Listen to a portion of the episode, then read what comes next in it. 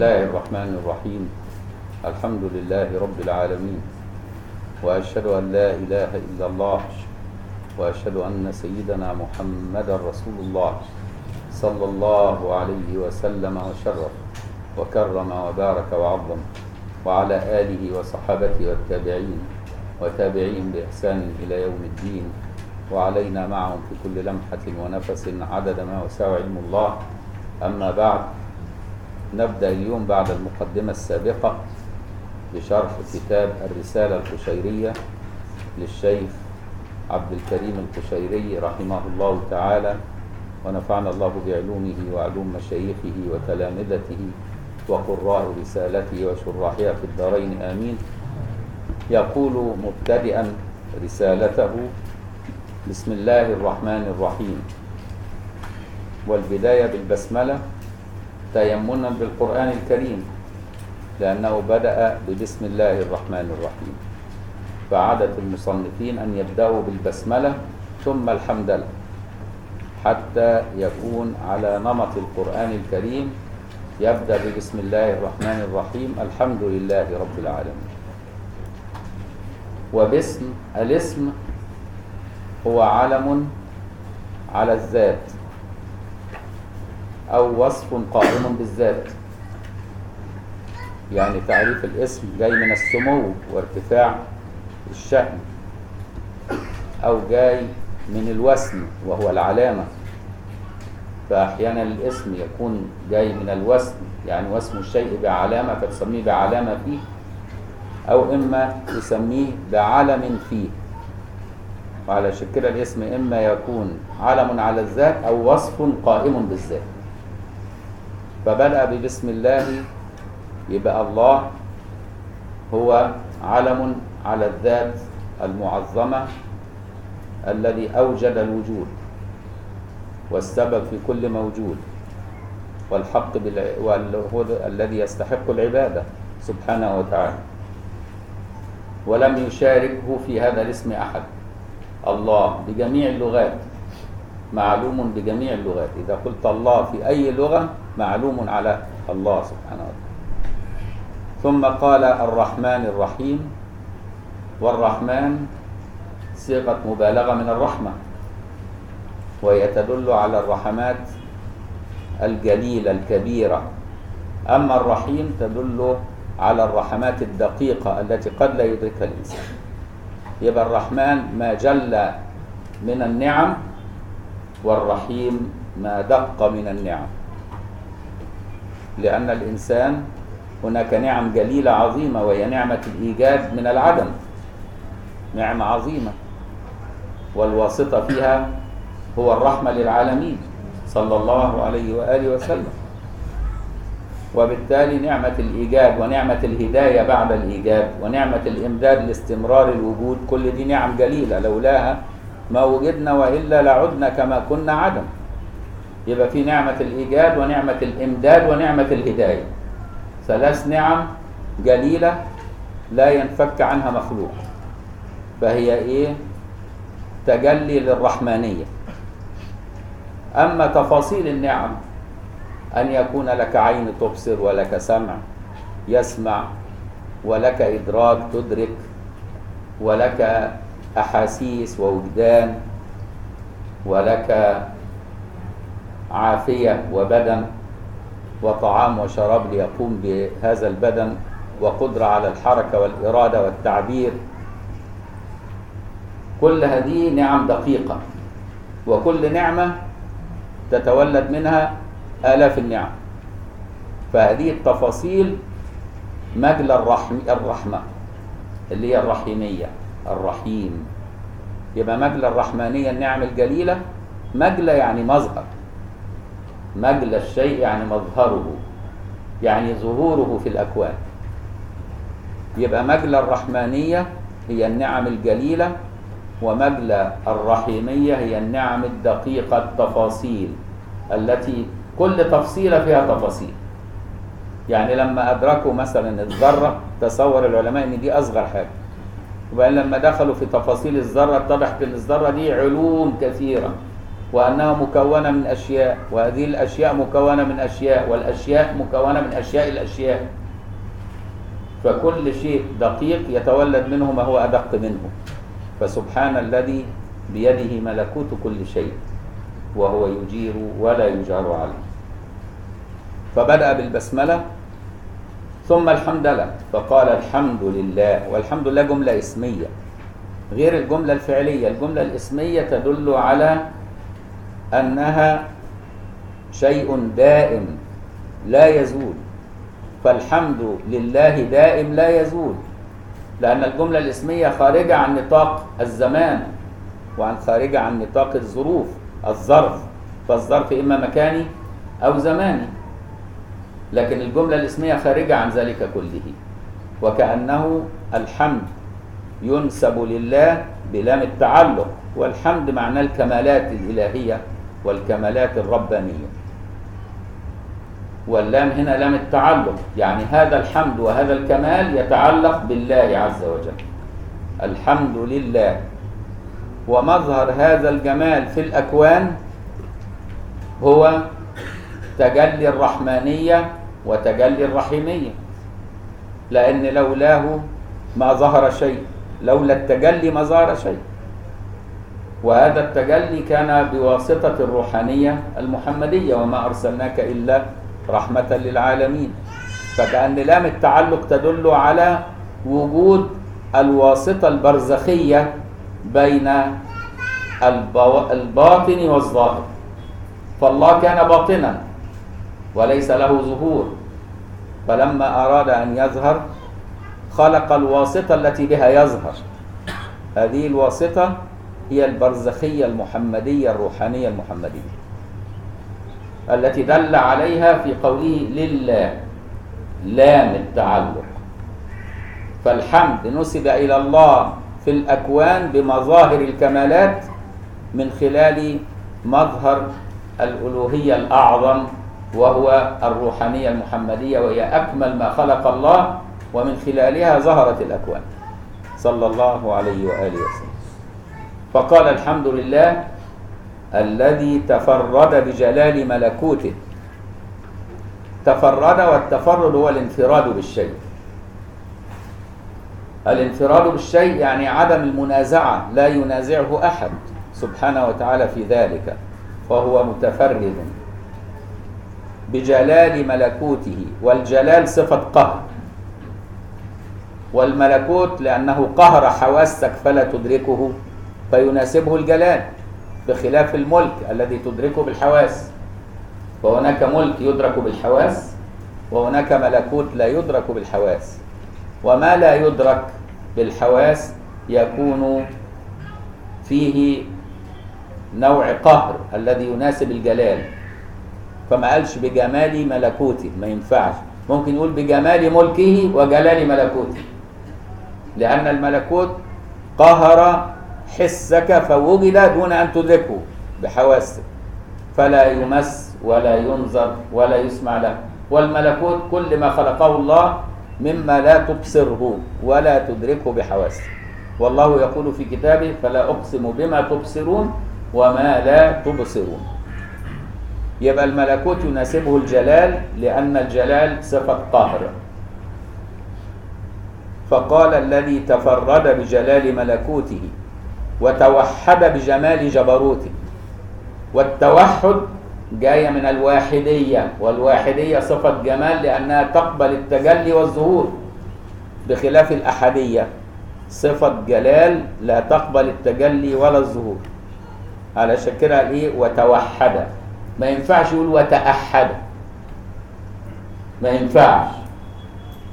لو قال وتأحد يبقى كأنه بيكرر الجلال. وهو عايز يبين أن الله يتصف بالجلال والجمال. وهذا يدلك على حسن عبارته ودقة فهم المصنف وحسن الاستهلاك فيقول وتوحد جاية من من الوحدة الواحدية. والواحدية تقبل التجلي فهو واحد أحد واحد يتجلى وأحد يبطن فلا يتجلى فلا ظهور للأحدية إلا بالبطون. وتوحد بجمال جبروته. والجمال فيه صفات الرحمانية والرحيمية. جبروته والجبروت هو الإرادة. هناك عالم يسمى عالم الإرادة كما أن هناك عالم يسمى عالم الملكوت. فهناك عالم يسمى عالم الإرادة وعالم الملك. عالم الإرادة اللي هو عالم الجبروت اللي هو عالم كن فيكون. ما بين كاف كن ونون الكون أي وجوده هو توجه الإرادة الربانية إلى القدرة بإخراج المعلوم المعدوم على وفق إرادته. فيبقى يسمى إيه؟ عالم الإرادة اللي بيه يظهر الله مراده عن طريق توظيف قدرته على وفق علمه. فلا يخرج إلا المعلوم المراد إيجاده وليس كل معلوم. لأن هناك معلوم لا يراد إيجاده وهناك معلوم يراد إيجاده. وبالتالي يبقى عالم الجبروت هو عالم الإرادة. عالم كن فيكون. فإذا انتقلنا من كن إلى فيكون يعني فكان انتقلنا إلى عالم الملك والملكوت. يبقى الإرادة أولا فيظهر من مقتضى الإرادة عالم تدركه يسمى الملك وعالم لا تدركه يسمى الملكوت.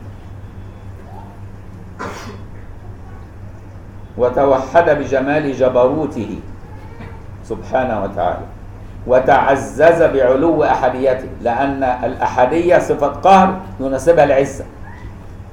وتعزز بعلو مرتبة الأحدية بحيث أنها لا تدرك.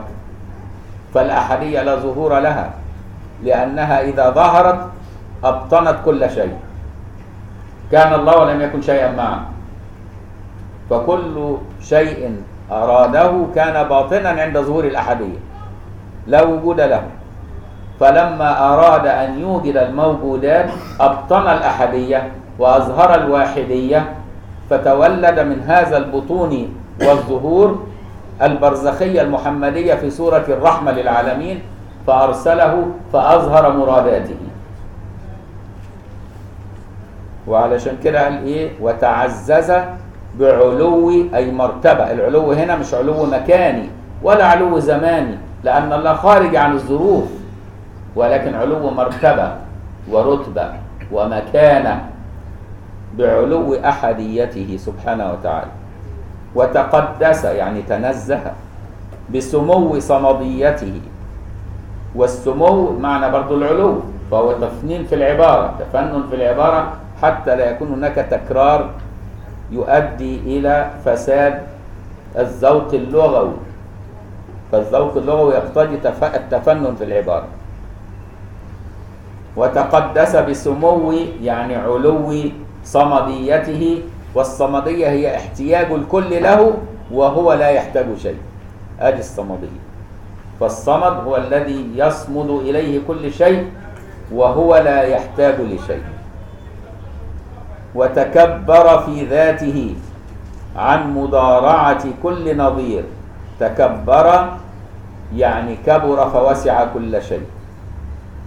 في ذاته سبحانه وتعالى عن مضارعة أي مشابهة. المضارعة هنا بمعنى المشابهة فلا يشبهه شيء. لم يكن له كفوا أحد. ليس كمثله شيء وهو السميع البصير. يبقى المضارعة هنا بمعنى إيه؟ المشابهة. هو سبحانه وتعالى لا يشبهه شيء. لأنه خلق كل شيء ويستحيل أن يكون المخلوق له نسبة شبه بالخالق. وتكبر في ذاته عن مضارعة كل نظير نظير يعني كل شبيه إذ لا نظير له. وكل ما خطر ببالك فالله على خلاف ذلك.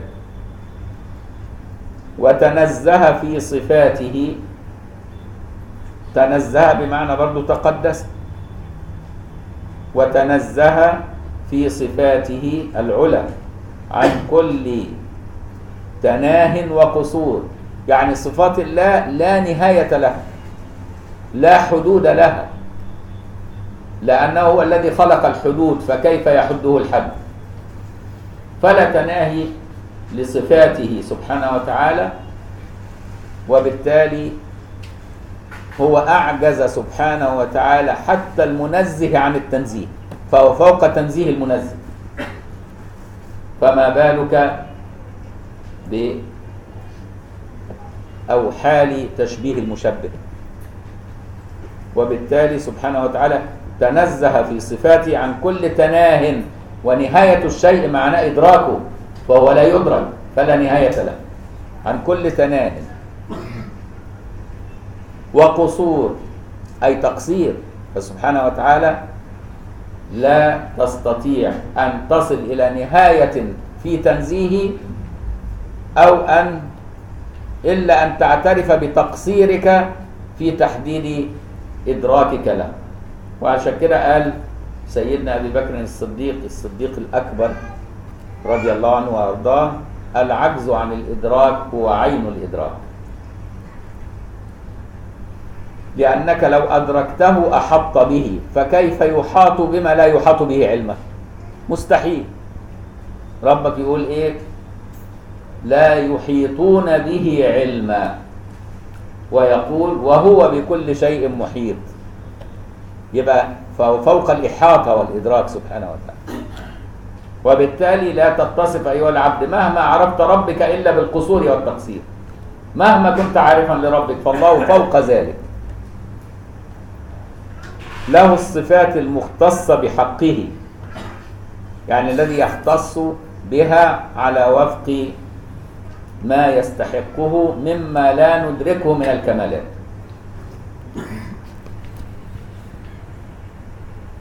والآيات الناطقة بأنه غير مشبه بخلقه الآيات اللي هي الدلالات الواضحة على أنه لا يشبهه شيء.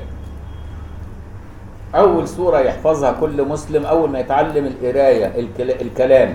قبل القراية هو طفل صغير. قل هو الله أحد الله الصمد لم يلد ولم يولد ولم يكن له كفوا أحد. يمكن السورة اللي بنحفظها قبل ما نحفظ الفتح. حتى تدرك من خلال كفوا أو كفؤا أو كفءا ثلاث قراءات. والمعنى واحد. اللي يقول كفوا حفص بس. وابو عمرو البصري كفءا وباقي القراء كفؤا والمعنى واحد. يعني لا يكافئه أحد إذ لا نظير له سبحانه وتعالى. وعلى كده قال إيه؟ والآيات الناطقة بأنه غير مشبه بخلقه كآية إيه؟ ليس كمثله شيء وهو السميع البصير.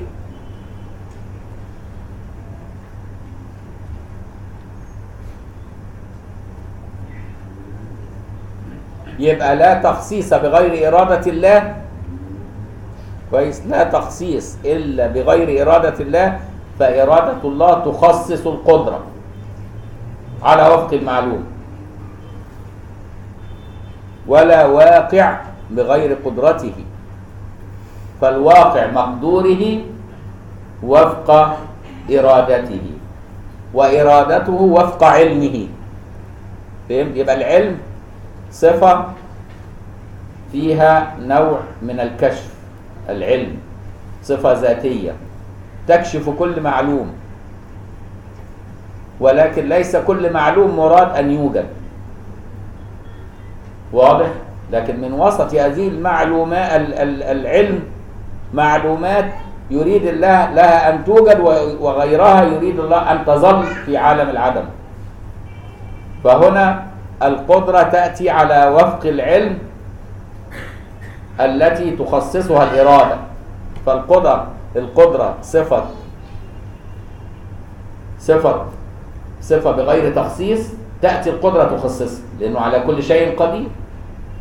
مش على كل شيء قدير يبقى أما تأتي الإرادة تخصص القدرة يعني كل شيء يريده قدير. وكأن إرادته لا تتعلق إلا بمعلومه على وفق قدرته. واضح؟ فسبحانه من عزيز.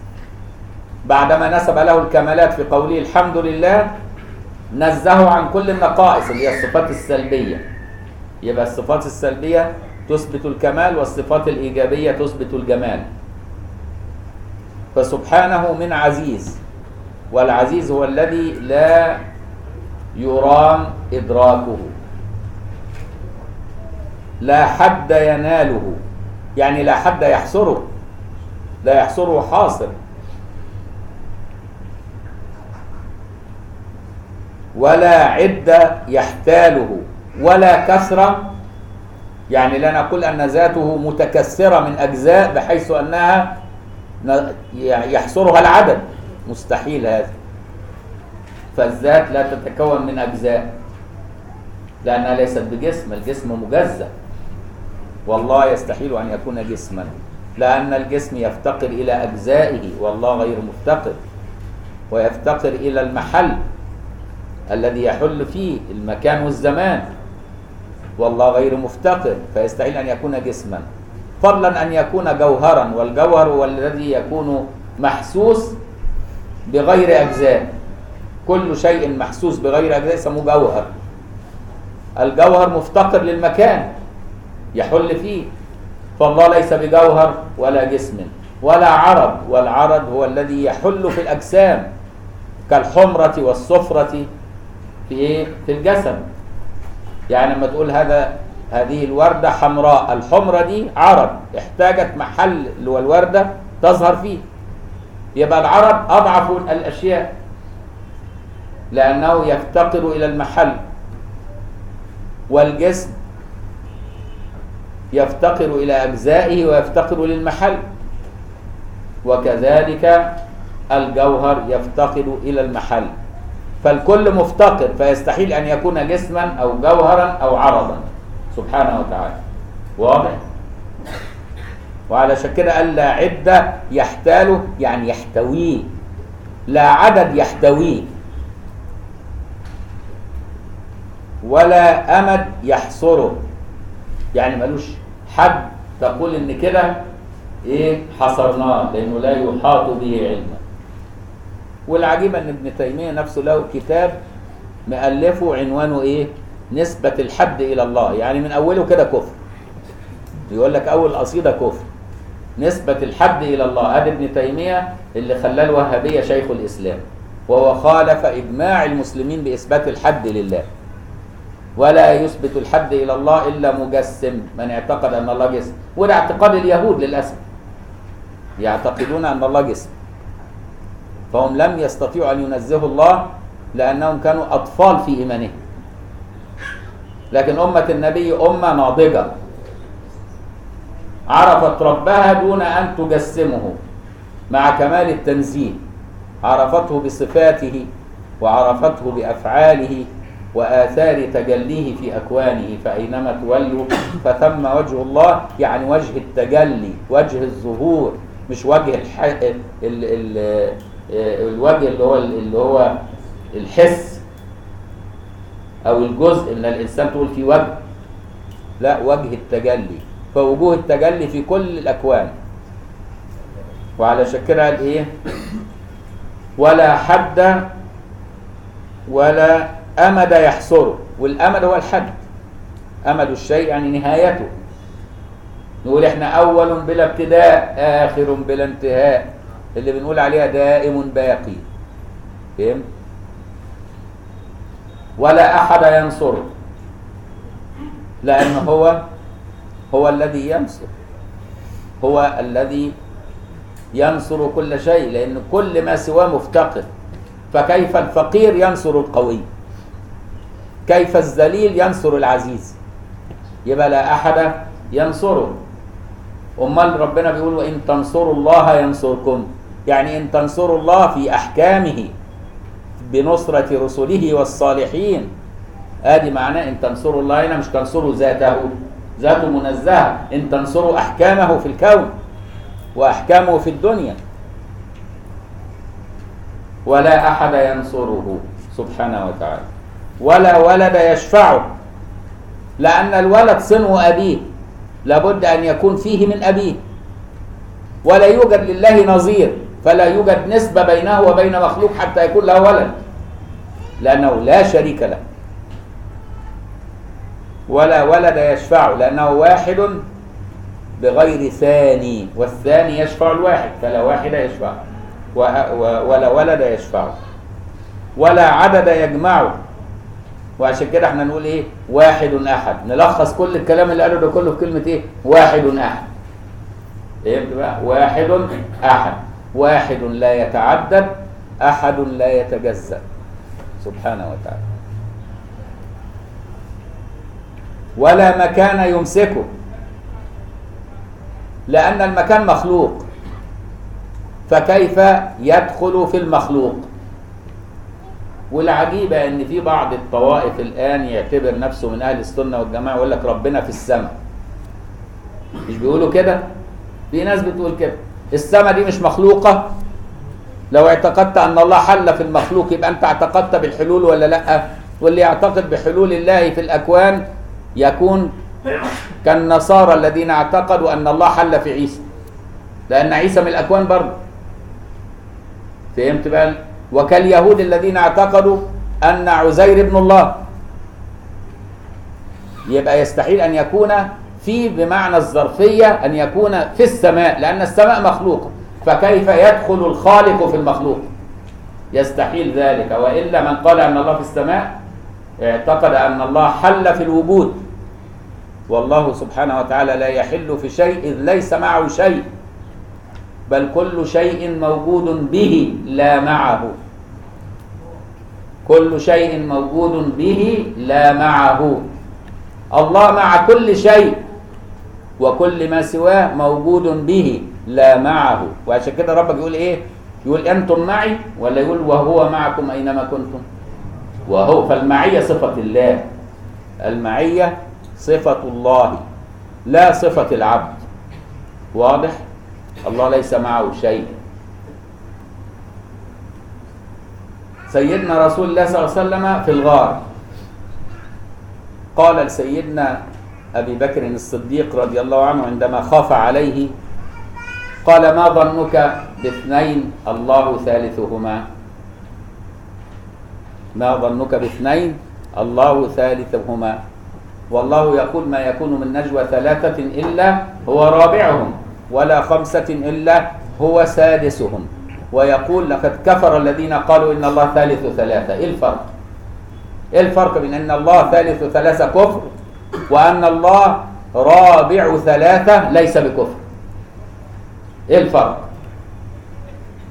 إن الإنسان لما يقول الله ثالث ثلاثة جعله داخل في الأكوان داخل في الأكوان معدود فيها أما ما تقول أن الله رابع ثلاثة جعلته خارج عن الأكوان غير معدود فيها.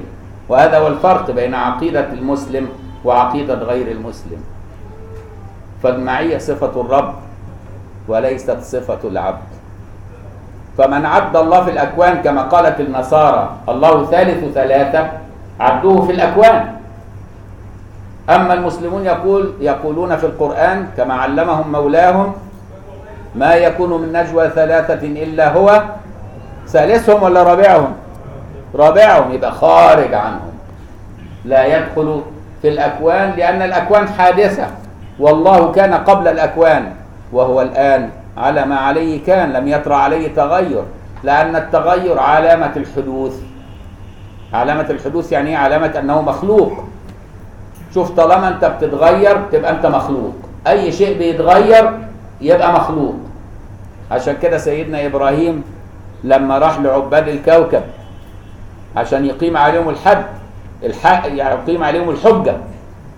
قال هذا ربي يعني كأنه إيه بيقول هذا ربي ليس لإثبات الربوبية للكوكب لا ده من باب مجاراة الخصم. من باب مجاراة الخصم لإقامة الحجة. يعني هذا ربي كما تعتقدون فانتظر معهم حتى أفل واختفى. يعني طرأ عليه التغير. فلما أفل قال لا أحب الآفلين. لا يصلح أن يكون إلها كل ما تغير. فهمت؟ وتلك حجتنا أتيناها إيه؟ إبراهيم على قومه. لا إبراهيم على نفسه. مش نقول إن سيدنا إبراهيم كان محتار في رحلة الشك للإيمان لأن لا يتصور الشك في قلب نبي. ولكن هذه رحلة إيه؟ محاورة الكفار. هو حاور الكفار. فهم وعشان كده حجتنا أتيناها إبراهيم على قومه لا لنفسه. إيه هي حجة إبراهيم؟ قيام التغير بسوى الله. كل ما سوى الله يتغير. الشمس تأفل تغرب والقمر يأفل والنجم يأفل فكل ما تغير لا يصلح أن يكون إلها. لأن ال- الذي تغير دليل أنه مقهور. هناك من غيره. واضح؟ ولذا كنا نتعلم وإحنا أطفال في الأزهر وإحنا صغيرين في العقيدة بتاعة خليل البهية بتاع سيدي أحمد دردير يقول إيه؟ واعلم أن هذا العالم حادث مفتقر. إيه الدليل؟ لأنه قام به التغير. شفت الدليل؟ كل ما يقوم به التغير يبقى حادث مفتقر. الله لا يتغير. فهمت يا أستاذ؟ يبقى خد بالك إن التصوف وهو السلوك إلى الله يبدأ بمعرفة الله. السلوك إلى الله قبل العمل يبدأ بمعرفة الله. عليك أن تزيل من قلبك كل شبهة متعلقة بالله وكل شبهة متعلقة برسول الله وسائر الأنبياء والرسل وكل شبهة متعلقة بالصالحين ثم بعد ذلك تسلك فتصل. إنما تعبد وأنت ممتلئ بالشبهات والله لو عبدت الله ليل نهار وقلبك مملوء بالشبهات لا يشرق فيه أنوار المعارف. ابدا. وعشان كده شوف هما يبدأوا طريق التصوف بالعلم اولا. العلم بالله والعلم بالرسل. فهمت دي نقطة مهمة. ولا مكان يمسكه. مفيش مكان. ده في ناس معتقدين ربنا قاعد على العرش كده كجلوسي على الكرسي. الله؟ طب وقبل العرش كان ربنا فين؟ شيء عجيب شيء عجيب والله.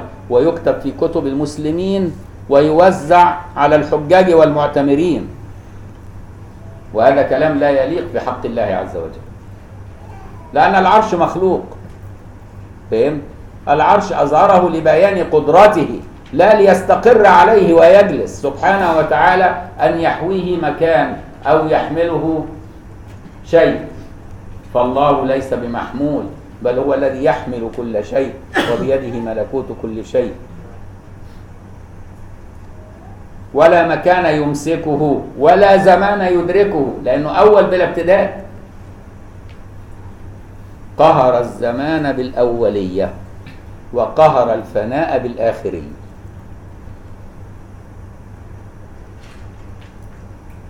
ولا فهم يقدره. ما فيش يستطيع مهما كنت واسع الفهم أن تقدر أن تقدر الله على وفق إيه ما هو عليه. لا تستطيع. ما قدر الله حق قدره. ما قدر الله حق قدره. وهذا خبر. والخبر لا يقبل النسخ ولا التخصيص. فهم؟ الخبر لا يقبل النسخ ولا الت... إيه اللي بيقبل النسخ والتخصيص؟ الأحكام وليست الأخبار. ولا فهم يقدره أو يقدره. تنفع الاثنين ولا وهم يصوره. الوهم اللي هو بقى إيه؟ في أوسع من الخيال. عالم الخيال ده مفيش أوسع منه. أوسع عالم خلقه الله عالم الخيال. يعني أنت ممكن كده تتخيل إنك أنت انتقلت إلى أمريكا بغير ما تركب طيارة وبغير زمن. في لحظة تتخيل إنك في أمريكا. في أوسع من كده عالم لا يحتاج آلة. وخارج عن دائرة الزمن. ممكن تتصور كده إنك أنت تزوجت وأنجبت وعندك عشر أولاد وقاعد في قصر وإنك أنت بتحكم في الرعية. كل ده في لحظة. كل ده في لحظة. ولا أنت بنيت قصر ولا اشتريت أرض ولا عملت حاجة. ده عالم الخيال ده عالم واسع. بالرغم سعة عالم الخيال ده لا يدرك الله بعالم الخيال حتى. فهمت إزاي؟ حتى بعالم الخيال لأن عالم الخيال مخلوق. ما زال مخلوقا مع اتساعه. والله خارج عن قدرة المخلوق أن يحيط به. عشان كده قال لك وهم الوهم اللي هو الخيال. ولا وهم يصوره. تعالى عن أن يقال كيف هو. لأنه منزه عن الكيفية. شوف فرعون لما سأل سيدنا موسى من ربكما يا موسى؟ من يسأل فيها عن الصفة؟ من يسأل بها عن الصفة؟ فلما قال له من ربكما يا موسى؟ سيدنا موسى قال إيه؟ ربنا الذي أعطى كل شيء خلقه ثم هدى. قال فما بال القرون الأولى؟ قال علمها عند ربي لا يضل ربي ولا ينسى. ما اعترضش فرعون على إجابة سيدنا موسى لأن من يسأل فيها عن الصفة؟ فهو أجابه بالصفه لكن لما سألوا سؤال تاني قال وما رب العالمين؟ ما رب ده في سورة الشعراء بقى. ما هو سألوا سؤالين من ربكما وما رب العالمين؟ إيه الفرق بين من وما؟ فرعون ده ما كانش هلفوت ده كان مثقف عنده علم كفر بعلم. مش بيسأل خطرفة هي لا ده كان فاهم هو بيسأل عن إيه. فلما قال ما رب العالمين بيسأل عن الماهية. فما الماهية اللي هي الكيفية. يعني لما أقول لك مثلا إيه إحنا قاعدين في إيه في مضيفه الشيخ محمد متولي الشعراوي رحمه الله تعالى. فلما أقول لك من الشيخ محمد متولي الشعراوي؟ تقول لي عالم أزهري إيه فسر القرآن الكريم وكان موجود في مصر. ولد سنه كذا مات سنه كذا. كل دي صفات. لما أقول لك من الشيخ الشعراوي تقول لي كده. لكن لما أقول لك ما الشيخ الشعراوي تقول لي إنسان. بني آدم. فهمت إزاي؟ دي ماهيته إنسان وبني آدم. مش كده برضو؟ يبقى ما تسأل عن الماهية لكن من تسأل عن إيه؟ عن الصفة. فرعون عرف الصفة عايز يعرف الماهية. ولكن لا كيف إيه؟ يصوره ملوش كيف ملوش ماهية. عشان كده سيدنا موسى أجاب بالصفة برضه. قال ما رب العالمين؟ قال رب السماوات والأرض وما بينهما إن كنتم موقنين. الله. قال إيه؟ قال فرعون إيه؟ ألا تستمعون؟ يعني بيشن على سيدنا موسى. أسأله عن الماهية يجيبني بالصفة. ده مش فاهم الفرق بين من وما. عشان كده قال لا يكاد يبين.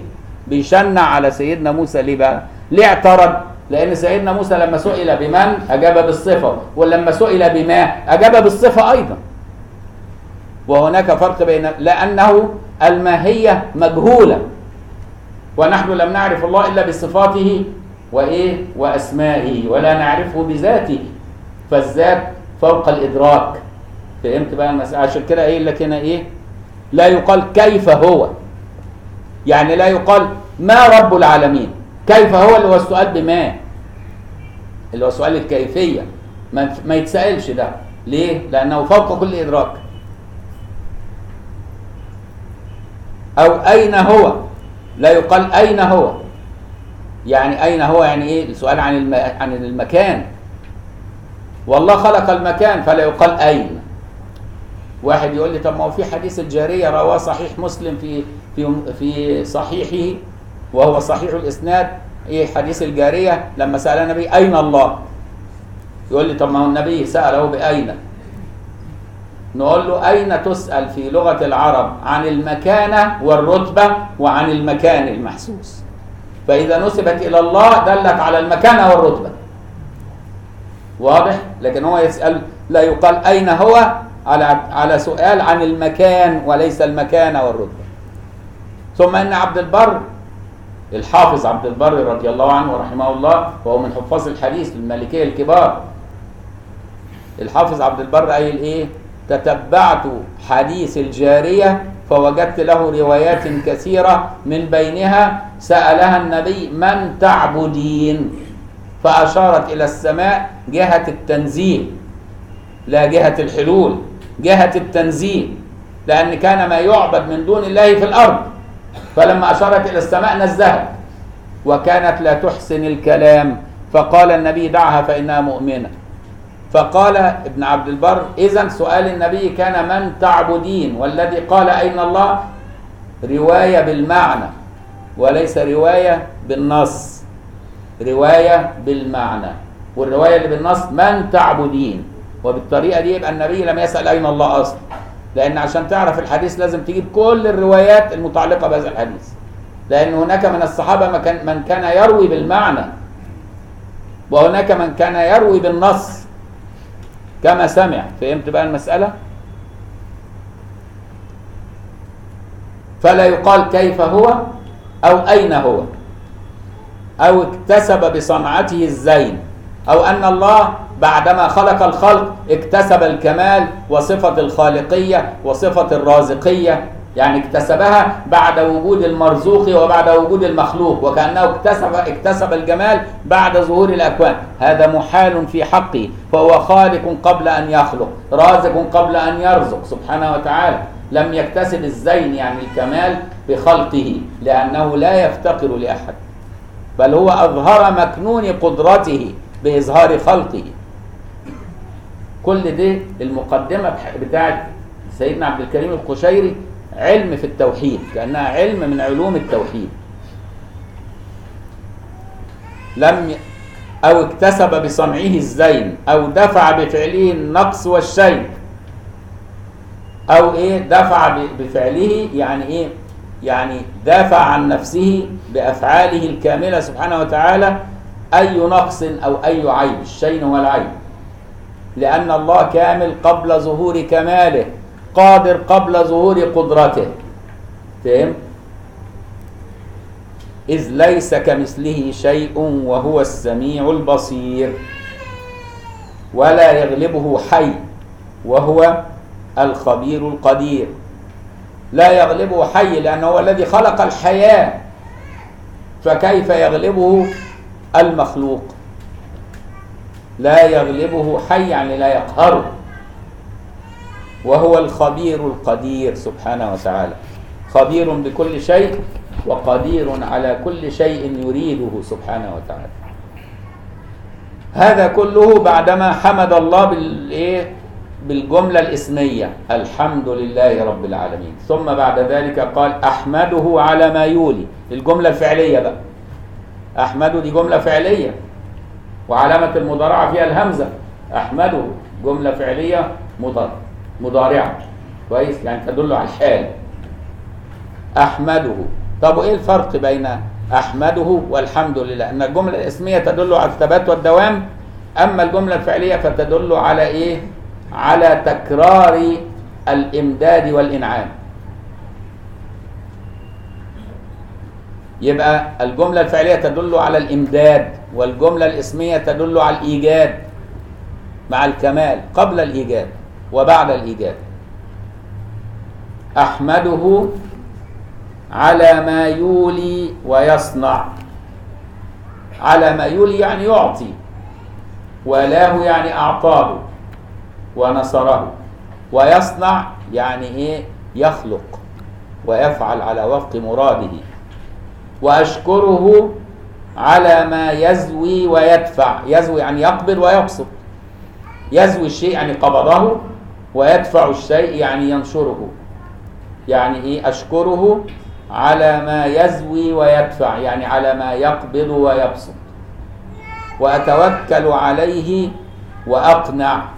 يعني أقنع أكتفي بتوكلي عليه إذ هو يكفي كل شيء. وهو الكافي لكل شيء. وأرضى بما يعطي ويمنع لأن الرضا بقضاء الله وقدره من علامات الإيمان. وأرضى بما يعطي ويمنع. وأشهد أن لا إله إلا الله وحده لا شريك له. أشهد.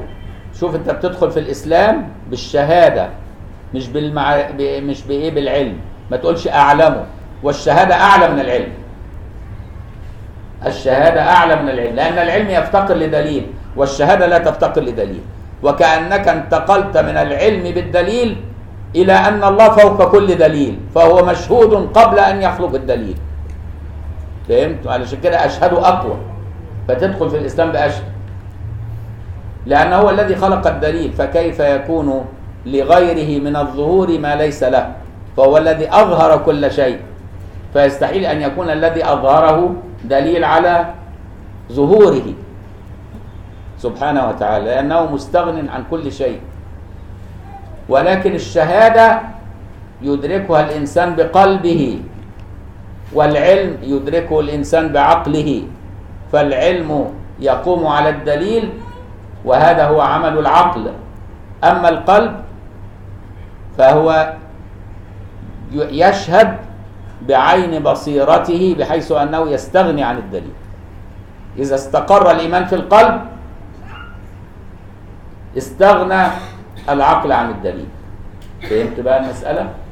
وأشهد أن لا إله إلا الله وحده في ذاته وصفاته وأفعاله متوحد في كل شيء لا يشبهه أحد ولا يشركه أحد. عشان كده قال لك إيه؟ لا شريك له. شهادة موقن بتوحيده والإيقان أعلى من العلم والإيمان. يعني في العلم وبعدين الإيمان والإيقان. شوف كم درجة؟ كل درجة أقوى من اللي قبلها. العلم يوصلك للإيمان والإيمان والعمل بمقتضيات الإيمان يوصلك للإيقان. شهادة موقن بتوحيده سبحانه مستجير بحسن تأييده. مستجير يعني مستعين بالله. ثم انتقل بعد الألوهيات إلى النبوات. فقال وأشهد أن سيدنا محمد رسول الله. لأن الوصول إلى معرفة الله بهذه العقيدة السنية الشريفة لا يكون إلا عن طريق النبوة والوحي. لأنك لو عرفت الله بعقلك دون الوحي ما نزهته حق التنزيه وما عرفت كيف تتقرب إليه. لابد أن تعرفه من خلال الأنبياء ووحي الأنبياء.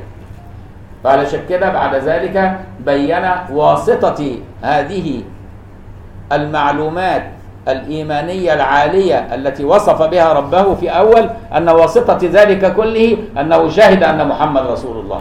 من خلال هذه النبوة المحمدية ومن خلال ما أخبر صلى الله عليه وسلم أدرك ما سبق مما قاله في علوم الألوهيات وعشان كده قال إيه وأشهد أن سيدنا محمدا عبده المصطفى والمصطفى بمعنى المجتبى. اصطفاه عن سائر الخلق فكان رحمة للعالمين. واصطفاه على سائر الخلق فهو الذي يصلي عليه وملائكته. من مثله رحمة للعالمين؟ لا أحد.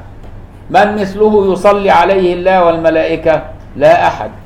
بل كل ما صلى الله على مؤمن إن الله يصلي عليكم وملائكته على المؤمنين لنسبتهم لهذا النبي المصلى عليه أولا. فهمت؟ وعلى كده قال إيه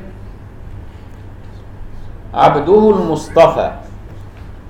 أثبت العبودية وهي أعلى مقام. ثم سن بالاصطفاء وهي بعد العبودية لبيان التخصيص بالنبوة والرسالة. فالعبودية أعلى مقام والتي تؤهله لأن يكون مصطفى بالنبوة والرسالة. إذا تحققت عبوديته صار أهلا لظهور الرسالة فيه. عبده المصطفى وأمينه المجتبى والمجتبى بمعنى برضو المصطفى فالاكتباء والاصطفاء بمعنى واحد. ولكن التفنن في العبارة عادة العرب الفصحاء. ورسوله المبعوث إلى كافة الورى فأثبت الرسالة للنبي صلى الله عليه وسلم وأثبت أنه للعوالم كلها. المبعوث إلى كافة الورى والورى هم الخلق جميعا. حتى أنه قال مبعوث إلى الثقلين بالتكاليف ومبعوث إلى الملائكة بالتشريف وما يناسبهم من التكليف ومبعوث لسائر الأكوان بالرحمة للعالمين فهو أوصانا بالرحمة بكل ما خلق الله. ارحموا من في الأرض يرحمكم من في السماء فهو مرسل لكل الورى وكل ما خلق الله. كل على قدر مرتبته. صلى الله عليه وعلى آله. صلى الله عليه أي أمده بما يمكنه من أن يكون رحمة للعالمين من أن يكون هاديا لرب العالمين من أن يكون دالا على الله في كل نفس وفي كل لمحة وفي كل لفتة. لأن النبي كل سكناته وكل كلماته وكل حركاته دالة على مولاه. فهو نبي في كل أحواله صلى الله عليه وسلم. صلى الله عليه وعلى آله والصلاة على الآل رفع للرتبة ومحو للذنوب وزيادة في إيه؟ في التخصيص والتشريف والتعليم. وعلى آله وآل النبي إذا أطلق يقصد بهم القرابة وسائر أمته كويس؟ أما نقول وآله ونسكت يبقى يدخل فيها القرابة اللي هم إيه؟ بني هاشم وبني عبد المطلب. دول القرابة. ويدخل معاهم سائر الأمة. ثم خصص من بين هذا الآل ووصفهم بمصابيح الدجى. الدجى اللي هو الظلام. والمصابيح جمع مصباح الذي يضيء الظلام. وعلى آله مصابيح الهدى وعلى أصحابه. الواو هنا واو تخصيص. وأخص من بين الآل الصحابة. لأن الآل القرابة وسائر الأمة. فخص الصحابة بمزيد ذكر ومزيد فضل ليدلك على أن التصوف أبعد الأشياء عن الشيء التشيع. لأن الشيعة والروافض لا يعرفون من الصحابة إلا 12 واحد. ويعيبوا باقي الصحابة. فدل على أن التصوف وده مرجع من مراجع التصوف أنهم يجلون كل الأصحاب. يبقى أبعد الناس عن إيه؟ عن التشيع. لأن الشيعة يعيبون في إيه؟ في رؤوس الصحابة. سيدنا أبي بكر وسيدنا عمر وسيدنا عثمان. ويعيب في كل صحابي وقف وخالف سيدنا علي بن أبي طالب حتى أنهم يعيبوا في سيدتنا عائشة رضي الله عنها وهي أم المؤمنين. آه لما يقول وأصحابه دخل كل الصحبة وكل من رأى النبي مؤمنا به في حال حياته ومات على ذلك. واضح؟ يبقى كده شمل كلهم شملهم كلهم. وعلى أصحابه مفاتيح الهدى مفاتيح جمع مفتاح والمفتاح هو الذي يفتح الباب لما وراءه من الأعمال الصالحات والعلوم النيرات. مفاتيح الهداية. وسلم تسليما كثيرا. وهذه هي المقدمة. ثم بعد ذلك دخل في موضوع الرسالة. فندخل في موضوع الرسالة إن شاء الله المجلس القادم بإذن الله رب العالمين. اللهم علمنا ما ينفعنا وانفعنا بما علمتنا وزدنا علما. حققنا بحقائق أهل القرب واسلك بنا مسالك أهل الجزم وخذ بأيدينا إليك أخذ الكرام عليك واكفنا نحن وسائر المسلمين في كل مكان السوء بما شئت وكيف شئت. إنك على ما تشاء قدير. يا نعم المولى ويا نعم النصير غفرانك ربنا وإليك المصير. وسلام على المرسلين. والحمد لله رب العالمين. وجزاكم الله خيرا.